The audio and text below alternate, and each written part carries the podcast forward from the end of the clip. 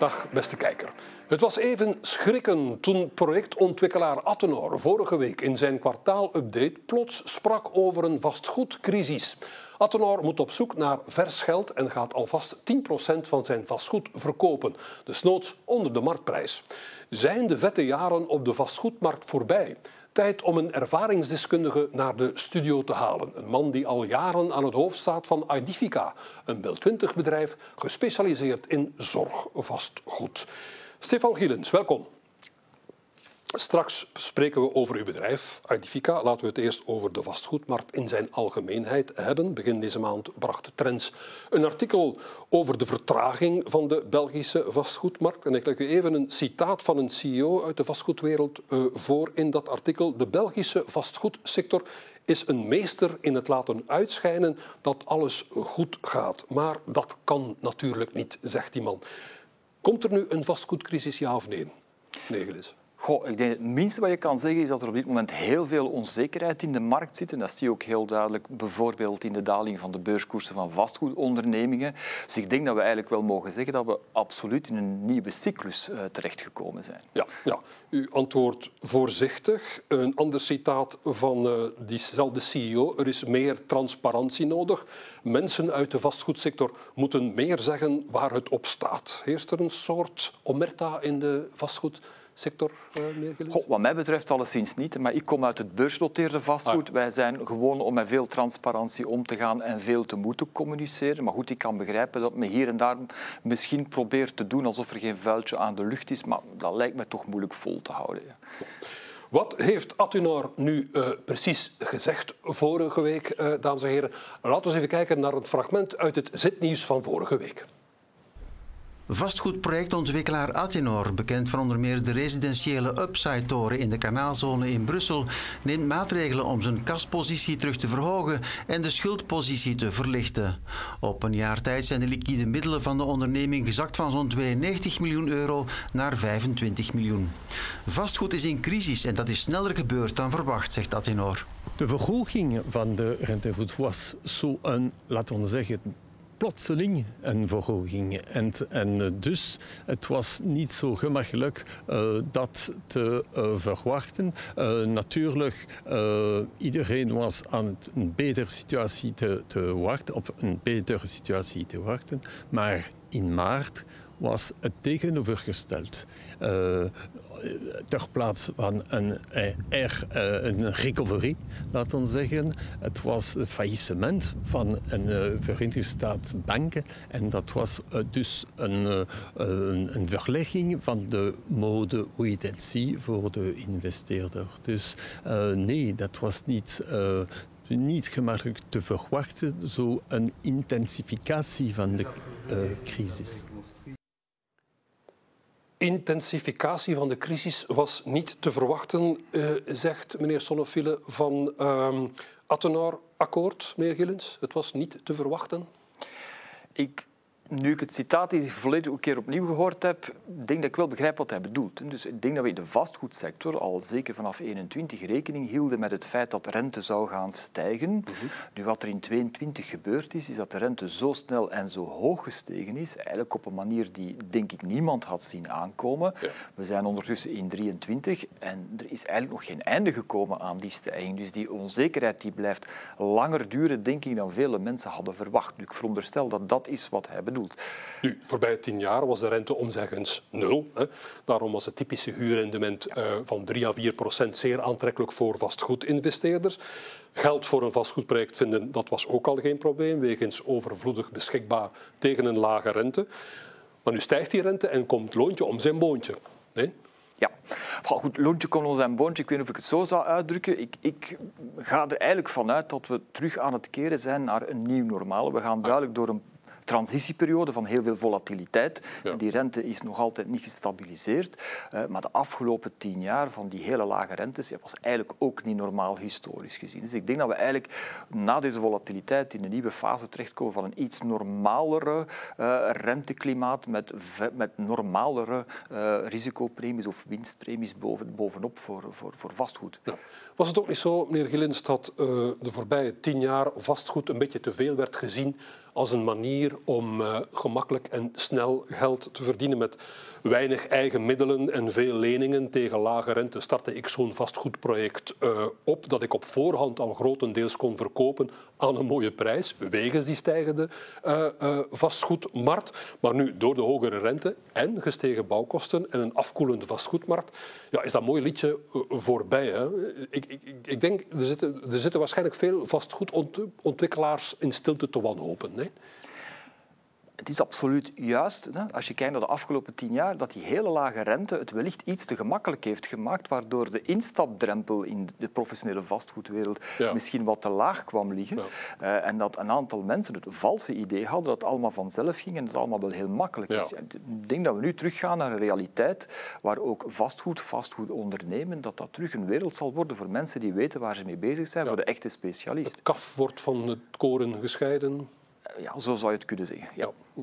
De cowboys gaan eruit. Een ander punt in het Trendsartikel, wat ik heel interessant vind, uh, meneer Gillens, dat is dus um, door de hogere rente worden niet alleen vastgoedprojecten minder waard, maar het bestaande vastgoed wordt ook uh, minder waard. We gaan de kijkers niet vervelen met de economische uh, techniek, maar het heeft te maken met de, de verdiscontering van toekomstige huurinkomsten. Door de hogere rente zijn die toekomstige huurinkomsten vandaag minder waard en dus is het gebouw ook minder waard.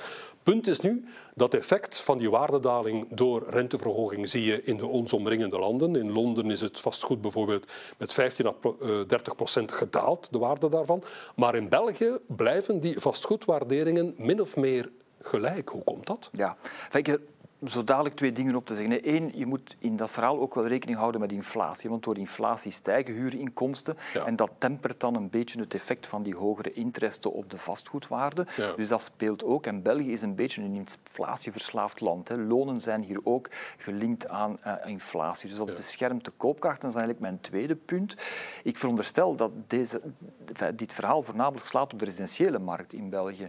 En het klopt dat residentieel vastgoed in België vrij stabiel of althans veerkrachtig is qua waarde-evolutie, zeker in vergelijking met andere Europese landen. Ja. Maar goed, als je spreekt over andere vastgoedsegmenten, dan denk ik wel dat je van ook vandaag al wel de impact ziet van die hoge interesten op waardering. Ja, toch zegt die CEO in het artikel van Trends, hier blijft men het zonlicht ontkennen en uh, worden de waarderingen kunstmatig hoog gehouden kunstmatig hoog gehouden, dat lijkt mij een zeer straffe uitspraak, want ik zou niet weten hoe je dat kan doen. En ja. nogmaals, ik kom uit het beursnoteerde vastgoed. Wij zien allemaal hè, wat er gebeurt met de beurskoersen, hoe de markt eigenlijk al dat risico aan het incalculeren is in beurskoersen. Ja, ja. De, de, belegger ziet in ieder geval dat de koning geen uh, kleren aan heeft. Maar wat ik wil zeggen, de vastgoedbazen in België uh, meneer Glint zitten niet in rokerige achterkamertjes uh, afspraken te maken van die rente uh, stijgt, die waarderingen zouden moeten zakken, maar wij gaan van kromme naasgebaren, dat is het geval um, Eén, dat is zeker en vast niet het geval, maar ja. zelfs als u dat zou vermoeden, dat daar een of andere complottheorie in ziet, ja. dan moet ik u teleurstellen, vastgoed is niet één grote moloch. Hè. Dat is een zeer divers aantal segmenten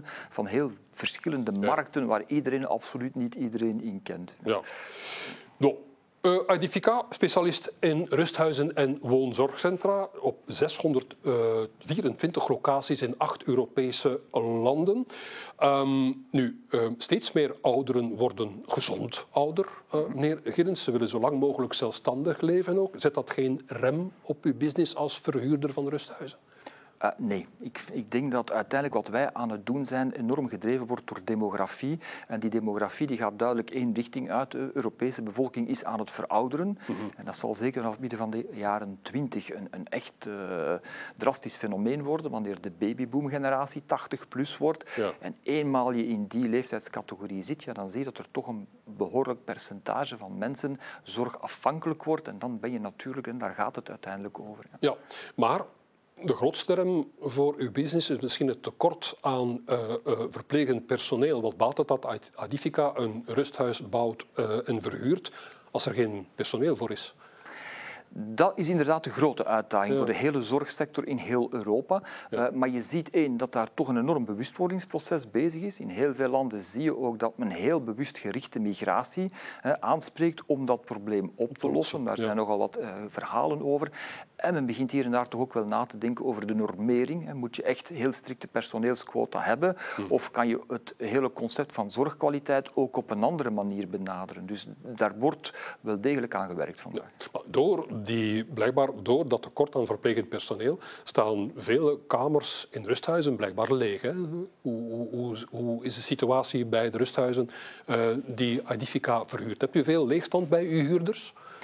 Eh, als ik kijk naar onze huurders zelf, dus de, de bezettingsgraad van de residenten in de huizen die door onze huurders worden uitgebaat, eigenlijk zien wij, uh, met hier en daar wel een uitzondering, dat die bezettingsgraden wel degelijk aan het stijgen zijn. Ah, ze zijn aan het stijgen? Ja, ja, absoluut. Maar we komen uit de covid-periode. Er is een enorme daling geweest tijdens de covid-periode. Mhm. Vandaag zie je dat die bezettingsgraden weer stijgen en op sommige plaatsen in Europa eigenlijk al terug bijna het niveau van voor covid beginnen benaderen. binnenkort mogen we ons aan wachtlijsten verwachten dan?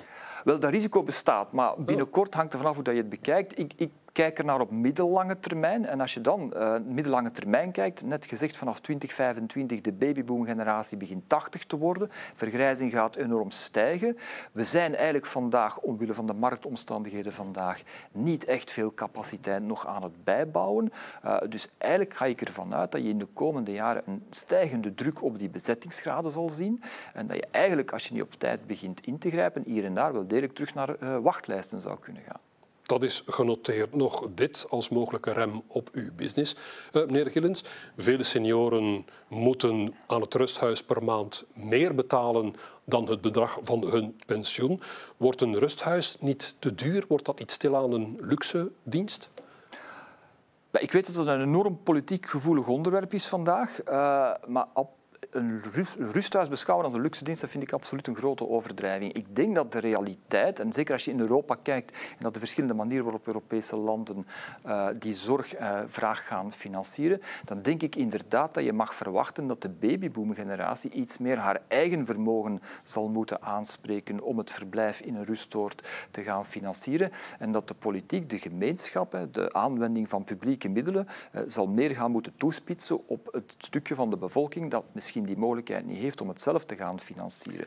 Maar de babyboom-generatie heeft gemiddeld genomen wel degelijk de koopkracht om dat probleem mee op te lossen. Meer zelf moeten betalen, maar vraag maar eens aan een uh, politicus om die boodschap te brengen. Hè, ja, dat is natuurlijk geen gemakkelijke boodschap. Uh, maar als je die cijfers wil zetten en uh, als je vandaag, ik zeg maar wat 70 euro per dag in een rustoord zou betalen voor je verblijf daar, dan kom je aan 2100 euro per dag. Maar je mag ook niet per maand, excuseer. Maar je mag niet vergeten dat mensen gemiddeld genomen geen tien jaar in een rustoord verblijven. Rustoorden gaan over zorgafhankelijkheid. Dat is de laatste fase in een leven. Verblijven in een rustoord zitten gemiddeld in Europa rond de 24 maanden. Dat is op zich een vrij korte periode. Maar financieel valt dat te behappen, zo'n periode, voor veel bejaarden, zegt u? Maar ik ga ervan uit dat de Europese middenklasse uh, in principe wel de middelen heeft om dat te betalen. Om het heel simpel voor te stellen, iemand die in zijn appartement woont of in zijn huis woont en op een bepaald moment naar een rustoord verhuist, ja, de waarde van dat huis of dat appartement is op zich al meer dan voldoende om dat verblijf af te dekken. Uh, dus vanuit dat standpunt bekeken zie je wel dat die koopkracht er is. Uh, maar goed, ik begrijp dat dat een politiek zeer gevoelig onderwerp is, omdat die wettelijke pensioenen zo een stuk lager liggen. Dat is ook een realiteit. Ja, we zullen moeten zien hoe dat Laten we nu eens naar de uh, beurskoers van Adifica uh, uh, kijken. Die kreeg klappen, maar de beurskoers van de genoteerde collega's van Adifica die kreeg ook klappen. We hebben een, een vergelijkende grafiek, niet van die beurskoersen, maar wel van het aandelenrendement, de totale opbrengst van die aandelen, zeg maar. Dat is de som van de koersstijging of koersdaling en de gecumuleerde dividenden over de voorbije vijf jaar. We zien de flinke klap uh, begin 2020 met de coronapandemie, toen bejaarden aan het sterven waren in de rusthuizen. Dat is genoteerd, maar uh, de totale opbrengst dus van die aandelen Care Property Invest uh, en Cofinimo vandaag, die zit onder de nullijn. Dat zien we helemaal rechts op de grafiek. Adifica kon echter het hoofd boven water houden met een totale opbrengst van het aandeel van ruim 10 Ik zou u kunnen vragen, uh, meneer Gillens, uh, bent u een betere CEO? Maar ik kan dat moeilijk aan u zelf vragen natuurlijk. Maar we zouden kunnen zeggen, die betere totale opbrengst van het aandeel uh, van Adifica uh, ligt misschien aan een paar zaken, zoals de betere of grotere internationale spreiding van de activa van Adifica over acht Europese landen. En u bent samen met Cofidimo, zit u in de BIL 20 meer internationale aandacht voor uw aandeel Dat zijn misschien allemaal zaken die uh, spelen hier voor uw aandeel. Nee? Dat zou inderdaad best kunnen. Nu, ik denk, dat is natuurlijk altijd moeilijk te verklaren. Laten we eerst en vooral hopen dat we dat kunnen vasthouden, wat u net, net gemeld heeft. Ja. Uh, maar ik denk dat het voor een stukje ook de vertaling is van, van de reputatie die, en de track record die wij in de afgelopen jaren hebben opgebouwd. En die er wel toe geleid heeft dat wij, denk ik, uh, in de wereld, zeker wat het Europese zorgvastgoed betreft, als beursnoteerde onderneming, een beetje als een marktreferentie worden beschouwd. Ja, dan krijg je automatisch wat meer aandacht, onder andere ook van die grote instituties institutionele investeringsmarkt. Ja. Nu, die koers zal ook wel beïnvloed worden door uw winst. Laten we eerst even kijken naar uw netto-winst. Dat is niet uw uitkeerbare winst, dat is iets anders. Uitkeerbare winst, daarvan wordt het dividend betaald. Daar hebben we het straks uh, nog even over. Maar die netto-winst, uh, 16 miljoen euro eerste kwartaal van dit jaar. Vorig jaar was dat nog 117 miljoen ja. euro eerste kwart 2022. Ik veronderstel dat ligt onder meer aan die gestegen rente, waardoor u ja, u de huidige waarde van uw zorgvastgoed lager is geworden. We zeiden dat al pas al. En die minwaarden zijn papieren minwaarden, maar die moeten passeren via uw resultatenrekening. Zo werkt het toch? Hè? Ja, dat klopt. Eh, uiteindelijk is dat net het resultaat, de samenstelling van één, het uitkeerbare resultaat. En dat stijgt wel degelijk. Ja. Maar daarnaast worden daarin ook een aantal non-cash elementen vertaald. Zoals die minwaarden. De waardeschommelingen van het vastgoed. En daar zie je inderdaad wel dat een jaar geleden er nog een markt was waarin vastgoed steeg in waarde. Ja. Waar je nu eigenlijk in de markt ziet dat er toch wel wat druk op die waarde van het vastgoed zit. En dat vertaalt zich daar inderdaad in. Ook een van die dingen die speelt voor uw netto-winst zijn ja, de interestvoet en uw schulden. 44% van de balans van het FICA bestaat uit schulden die voortdurend herfinancierd moeten worden. Tegen nu wel een hogere rente dan ja. pakweg um, ja, een jaar of één of twee jaar geleden, dat, dat ook die hogere interestlasten weegt ook op uw winst waarschijnlijk. Ja, dat speelt dan een rol in de uitkeerbare winst, maar daar moet je dan toch wel bij vertellen dat Idifica, net zoals de meeste, zo niet alle gereglementeerde vastgoedvernootschappen, dat risico wel proberen af te dekken. Hè, ja. met, met een aantal afdekkingsinstrumenten die maken dat je die rentestijgingen niet onmiddellijk ziet doorstromen in de resultatenrekening van zo'n vastgoedvernootschap. Bijvoorbeeld in het geval van Idifica verwachten wij dat de gemiddelde kost van schuld zal stijgen in 2023 naar 2,2 procent. Als procent van de totale schuld? Uh, als, ja, ja, totale kost van de schuld. Is 2,2 procent? Ja, een soort van uh, interestkost die je op de schuld zal betalen. We komen van een, een percentage dat beneden de 2 zat, maar we zijn helemaal nog niet aan het doorstijgen richting 4, 5, 6 procent. Dus, uh, maar die afdekking, de afdekking van die interestvoet zorgt ervoor dat het u geen pijn kan doen, die interestverhoging? Laten we zeggen dat het ons minder pijn doet dan, dan je zou kunnen verwachten. En die afdekkingsinstrumenten die hebben een gemiddelde duur van uh, in ons geval meer dan vijf jaar. Dus dat zal inderdaad in de komende jaren absoluut die rentestijging uh, onderdrukken, zodat je niet volledig ziet doorkomen in de resultaten. Dus daar zit Identifica wel degelijk safe dan? Ja, inderdaad, ja. Nu, stijgen de rente, we zijn het al, zakkende vastgoedprijzen. Is dat een koopkans voor uh, Ardifica, uh, uh, meneer Gillens? zijn er bijvoorbeeld koopkansen in Duitsland, waar er blijkbaar veel leegstand is in de rusthuizen? Trouwens, Ardifica heeft al veel rusthuizen gekocht in Duitsland. Ik dacht 19 alleen al in 2021. Dus die lage waarderingen nu, misschien tijd om te shoppen, meneer Gillens?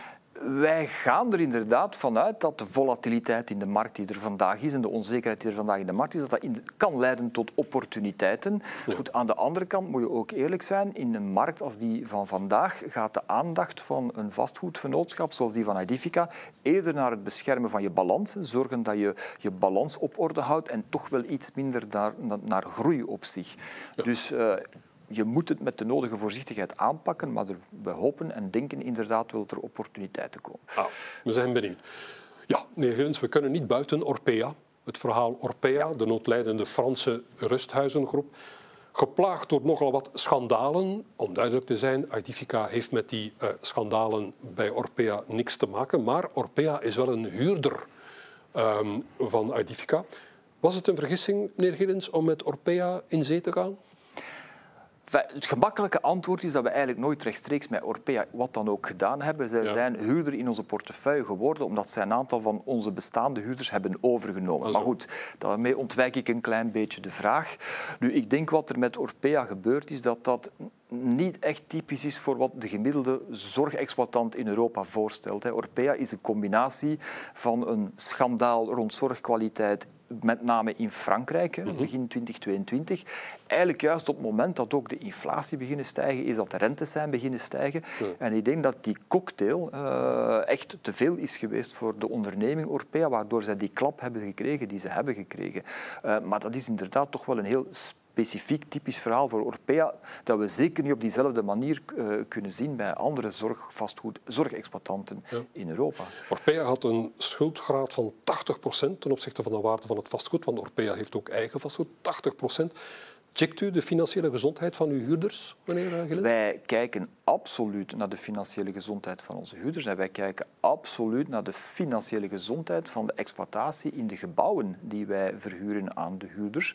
Eh, omdat je uiteindelijk moest het fout lopen met een exploitant in een van onze gebouwen, dan moeten wij in staat zijn om die exploitatie te kunnen overdragen naar een andere exploitant. Dat is voor ons financieel van belang, zodat je je huurstroom intact houdt, maar dat is puur maatschappelijk gezien ook enorm van belang, zodanig dat die exploitatie in continuïteit blijft en dat je daar niet naar een sociaal drama gaat, dat je plots zo'n huis moet leegmaken en ik honderdtal zorgafhankelijke bejaarden op straat zou moeten zetten, wat ondenkbaar is uiteraard. Nog dit over Orpea, uh, meneer Grins. In België baat Orpea negen rusthuizen uit van Adifica. Over hoe het nu verder moet met die rusthuizen lopen onderhandelingen tussen Adifica en Orpea. Is daar al nieuws over, over die onderhandelingen met Orpea?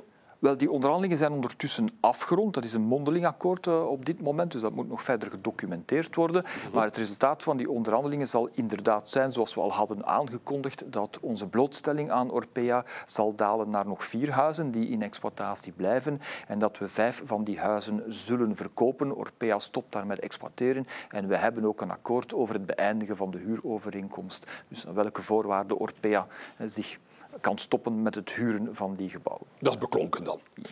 Ik zei het daar pas al even, we moeten het toch nog even hebben over het dividend. Dividend maakte de gereglementeerde vastgoedvernootschappen, zoals eh, Idifica er één is, heel aantrekkelijk uh, bij de beleggers. Want 80% van de winst van die gereglementeerde vastgoedvernootschappen, hele mond vol, die moeten uitgekeerd worden. 80% dat is veel. Uh, zal u ja, uh, bij in goede en slechte tijden dat dividend uh, die 80% kunnen blijven uitkeren en dat dividend kunnen blijven laten verhogen, meneer Gillens? ik ga beginnen bij het begin. Op dit moment gaan we er wel degelijk van uit dat wij een dividendbetaler blijven en dat wij dat dividend op peil gaan houden. Dan zijn we terug bij de uitkeerbare winsten. Ja. Uitkeerbare winst van Idifica die zal dit jaar ten opzichte van vorig jaar uh, nog, nog wel degelijk stijgen. En dan spreek je over een uitkeerbare winst per aandeel van rond de 5 euro, terwijl het dividend dat wij uitkeren rond de 3,8 euro zit. Dus daar zit behoorlijk nog wat marge op. Uh, dus dat betekent dat als je worst case gaat denken, wij kunnen ook nog wel wat tegenvallers slikken alvorens we aan het dividend moeten raken. Ja, ja. En dat hopen we uiteraard niet te moeten doen, tegenvallers slikken. Maar goed. Maar als alles een beetje goed zit, dan zal dat dividend, dat dividend blijven stijgen de komende jaren. Ja, kijk, of een dividend stijgt, dat is uiteindelijk een beslissing van een raad van bestuur die elk jaar wordt genomen als je kennis neemt van de resultaten van dat jaar. Hè. Uh, maar wat ik vandaag wel met stellige zekerheid kan zeggen, is dat wij een dividendbetaler blijven en dat dat dividend op peil zal blijven. Of het elk jaar zal stijgen, dat zal dan moeten afhangen van hoe het in dat betrokken jaar. Daar ga ik nog niet te veel op vooruit lopen. Uh, ja, als u een groot deel van uw winst uh, uh, moet uitkeren, waar gaat u dan het dividend, het geld vandaan om te investeren in groei?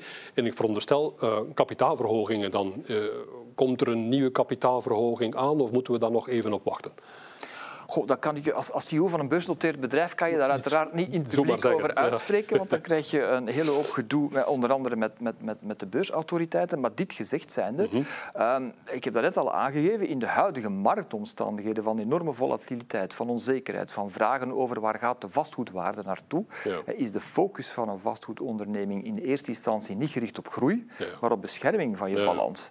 Uh, dus ik denk dat het duidelijke antwoord is dat wij in deze overgangsperiode toch wat minder aan groei denken en wat meer aan zorgen dat we de zaken op orde houden. Ja.